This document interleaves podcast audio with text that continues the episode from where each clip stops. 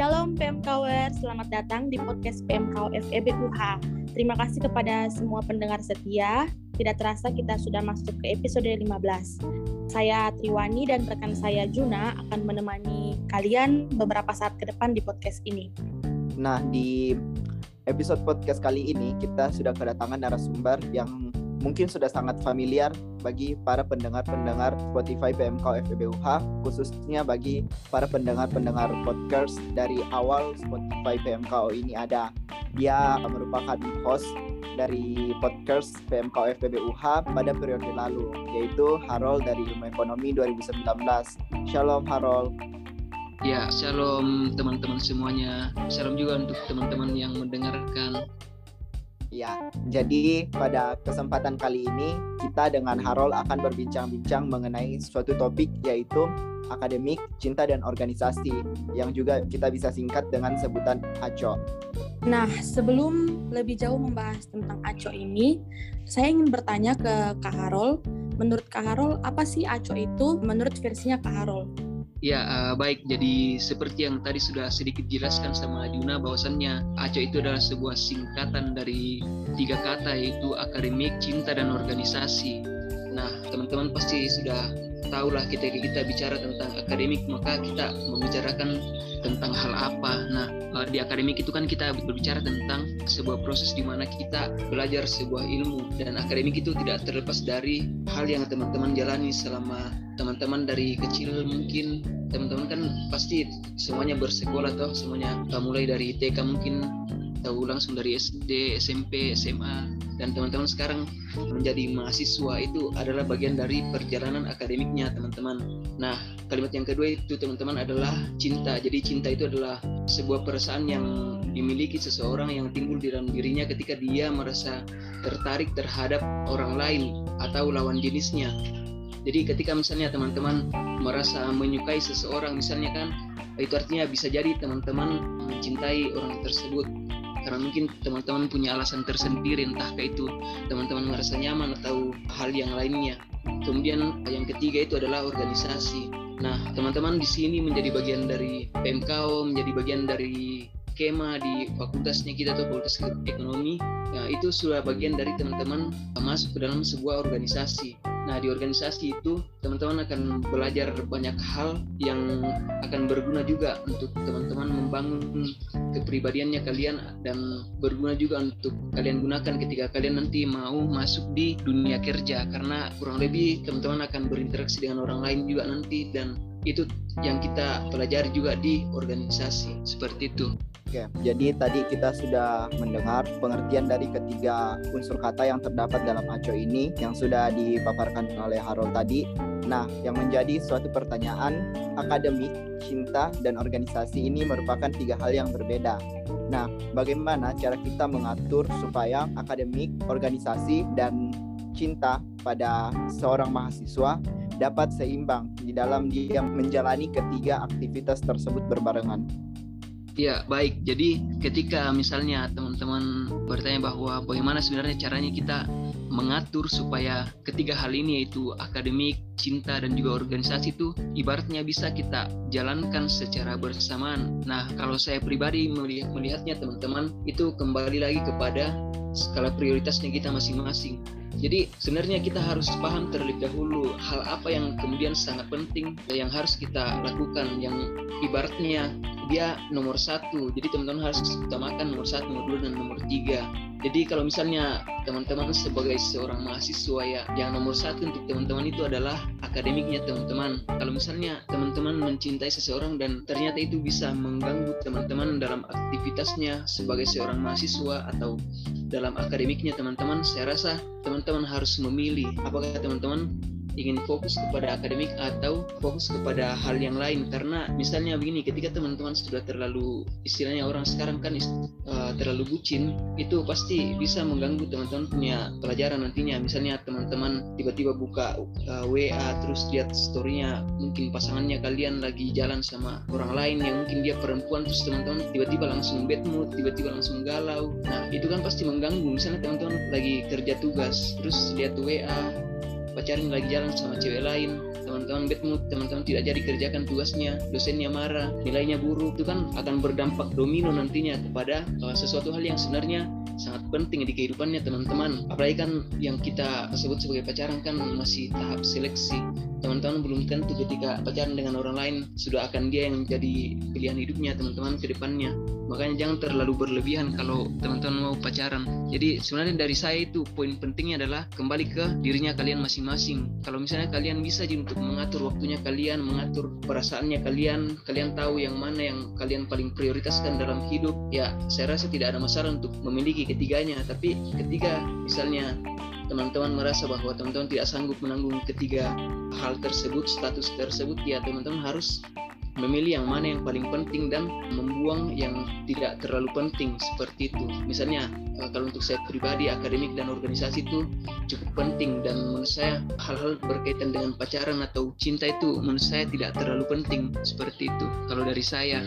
Oke, jadi berdasarkan yang tadi Harold bilang saya menangkap bahwa ini kembali lagi ke skala prioritas kita. Nah, uh, mungkin ini bisa dicek pada episode 14 kemarin yang kita membahas tentang prioritas dan Harold juga uh, tadi menambahkan bahwa ada yang harus di nomor satu kan, di nomor dua kan, dan di nomor tiga kan. Dan uh, jika versi Harold sendiri, nomor satu itu harus akademik, dua organisasi, dan tiga cinta.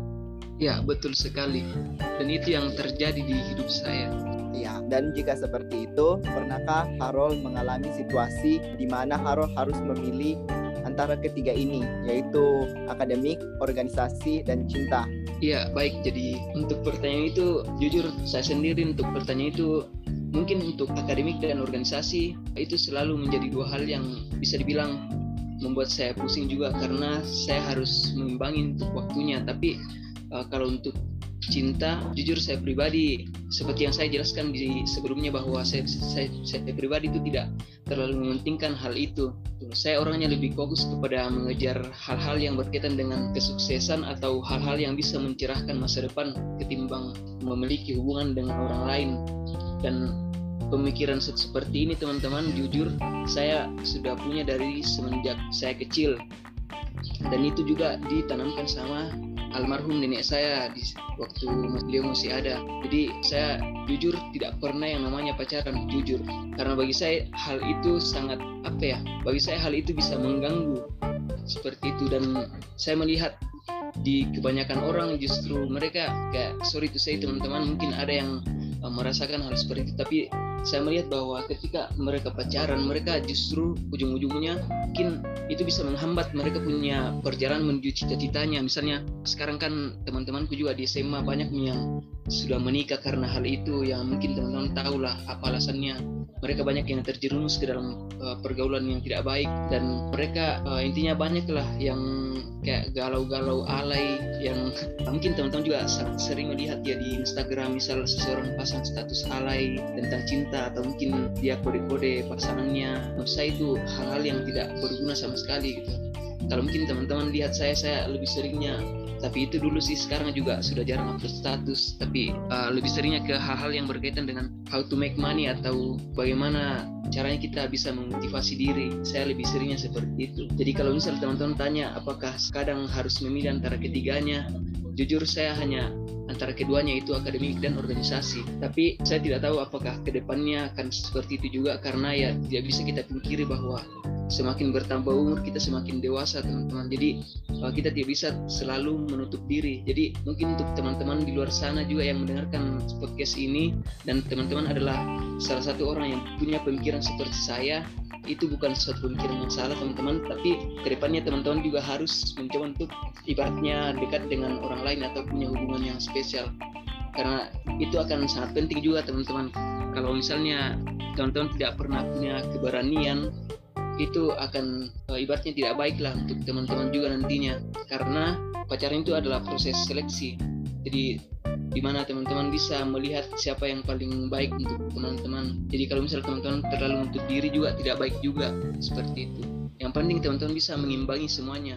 Seperti yang tadi saya jelaskan toh. Yang penting teman-teman bisa membagi waktu teman-teman bisa mengontrol perasaannya teman-teman.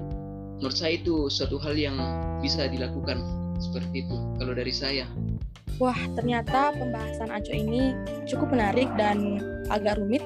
Namun dari semua pengalaman yang Kak Harul bagikan dengan berbagai pemikirannya, itu kembali lagi ke bagaimana kita mengatur skala prioritas kita dengan berbagai relasi kita dengan orang lain dan dengan lingkungan kita. Nah, pertanyaan saya, bagaimana mahasiswa sebagai agent of change bisa melakukan perubahan pada sistem sosial ke arah yang lebih baik? Ya, baik. Jadi mahasiswa sebagai agen of change. Jadi mahasiswa sebagai agen perubahan dalam kehidupan sehari-hari. Nah, uh, ini memang suatu istilah atau panggilan yang kerap kali digunakan kepada mahasiswa. Bahwasannya mahasiswa itu adalah ibaratnya otaknya masyarakat. Tuh, makanya kadang kalau ada hal-hal atau kebijakan yang diberikan oleh pemerintah dan mahasiswa melihat itu memiliki suatu dampak yang negatif atau itu tidak pro terhadap rakyat, maka di situ mahasiswa akan turun ke lapangan atau turun ke jalan menyuarakan aspirasinya mereka. Nah, kalau saya pribadi untuk uh, mahasiswa bisa menjadi agen perubahan adalah yang pertama dari diri sendiri terlebih dahulu. Jadi teman-teman tidak akan bisa merubah apa pun di luar teman-teman ketika teman-teman bahkan tidak bisa merubah hal buruk yang ada di dirinya teman-teman sendiri terlebih dahulu. Misalnya teman-teman orangnya mungkin hal-hal kecil saja. Misal teman-teman orangnya jarang bangun pagi atau mungkin teman-teman orangnya malas-malasan teman-teman selalu menunda-nunda pekerjaan. Nah coba teman-teman pikirkan bagaimana teman-teman bisa mengatakan bahwa eh ini misalnya misalnya oh ini anggota DPR dia selalu tidur tiduran ini.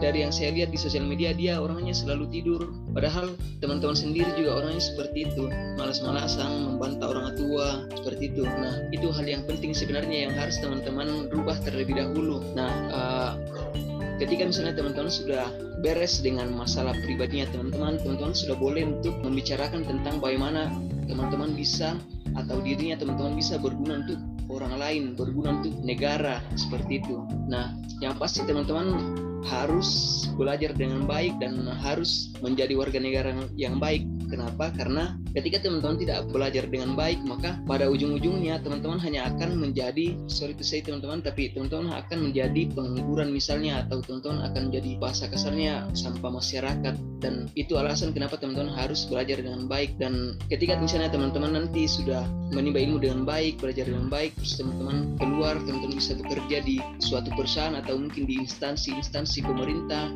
atau di pelayanan publik, teman-teman sudah secara tidak langsung sudah bisa menjadi agen perubahan. Jadi di situ teman-teman bisa membantu orang lain, melakukan yang terbaik yang bisa teman-teman berikan untuk negara, untuk masyarakat, dan teman-teman akan berguna untuk orang lain. Karena sejatinya hidup itu adalah tentang bagaimana kita bisa bermanfaat untuk orang lain.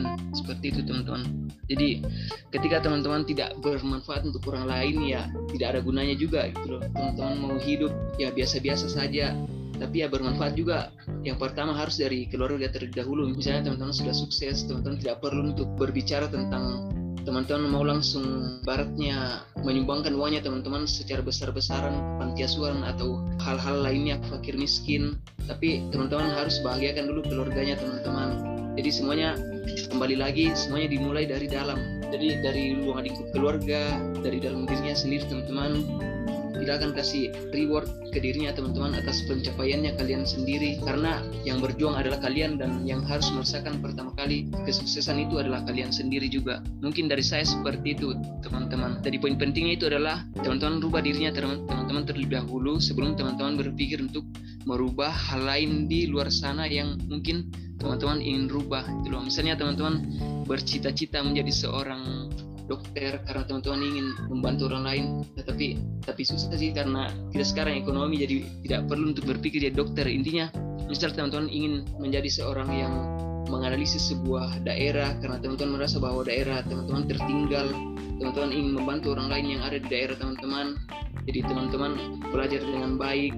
Nah teman-teman sudah bisa melakukan perubahan nantinya. Tapi itu kembali lagi teman-teman harus uh, merubah dirinya teman-teman terlebih dahulu mungkin itu saja dari saya untuk sharing-sharingnya Baik, terima kasih Harold untuk sharingnya pada sore hari ini. Satu pelajaran uh, yang bisa kita garis bawahi dari pokok pembahasan kita yang terakhir bahwa sebelum kamu ingin merubah dunia, mulailah untuk merubah dirimu sendiri karena dunia merupakan hal besar sedangkan dirimu itu merupakan hal yang terkecil yang harus dirubah. Sekali lagi Terima kasih Harold untuk sharingnya pada sore hari ini dan ini juga menjadi ujung podcast kita pada episode kali ini. Tidak lupa saya mengingatkan kepada para pendengar Spotify PMK FWUH untuk memfollow akun Spotify PMK FWUH dan juga untuk mendengarkan setiap episode baik episode yang akan datang maupun episode-episode sebelumnya yang mungkin para pendengar belum sempat dengarkan. Saya dan Wani pamit undur diri. Shalom. Shalom, Tuhan memberkati. Shalom teman-teman, kasih.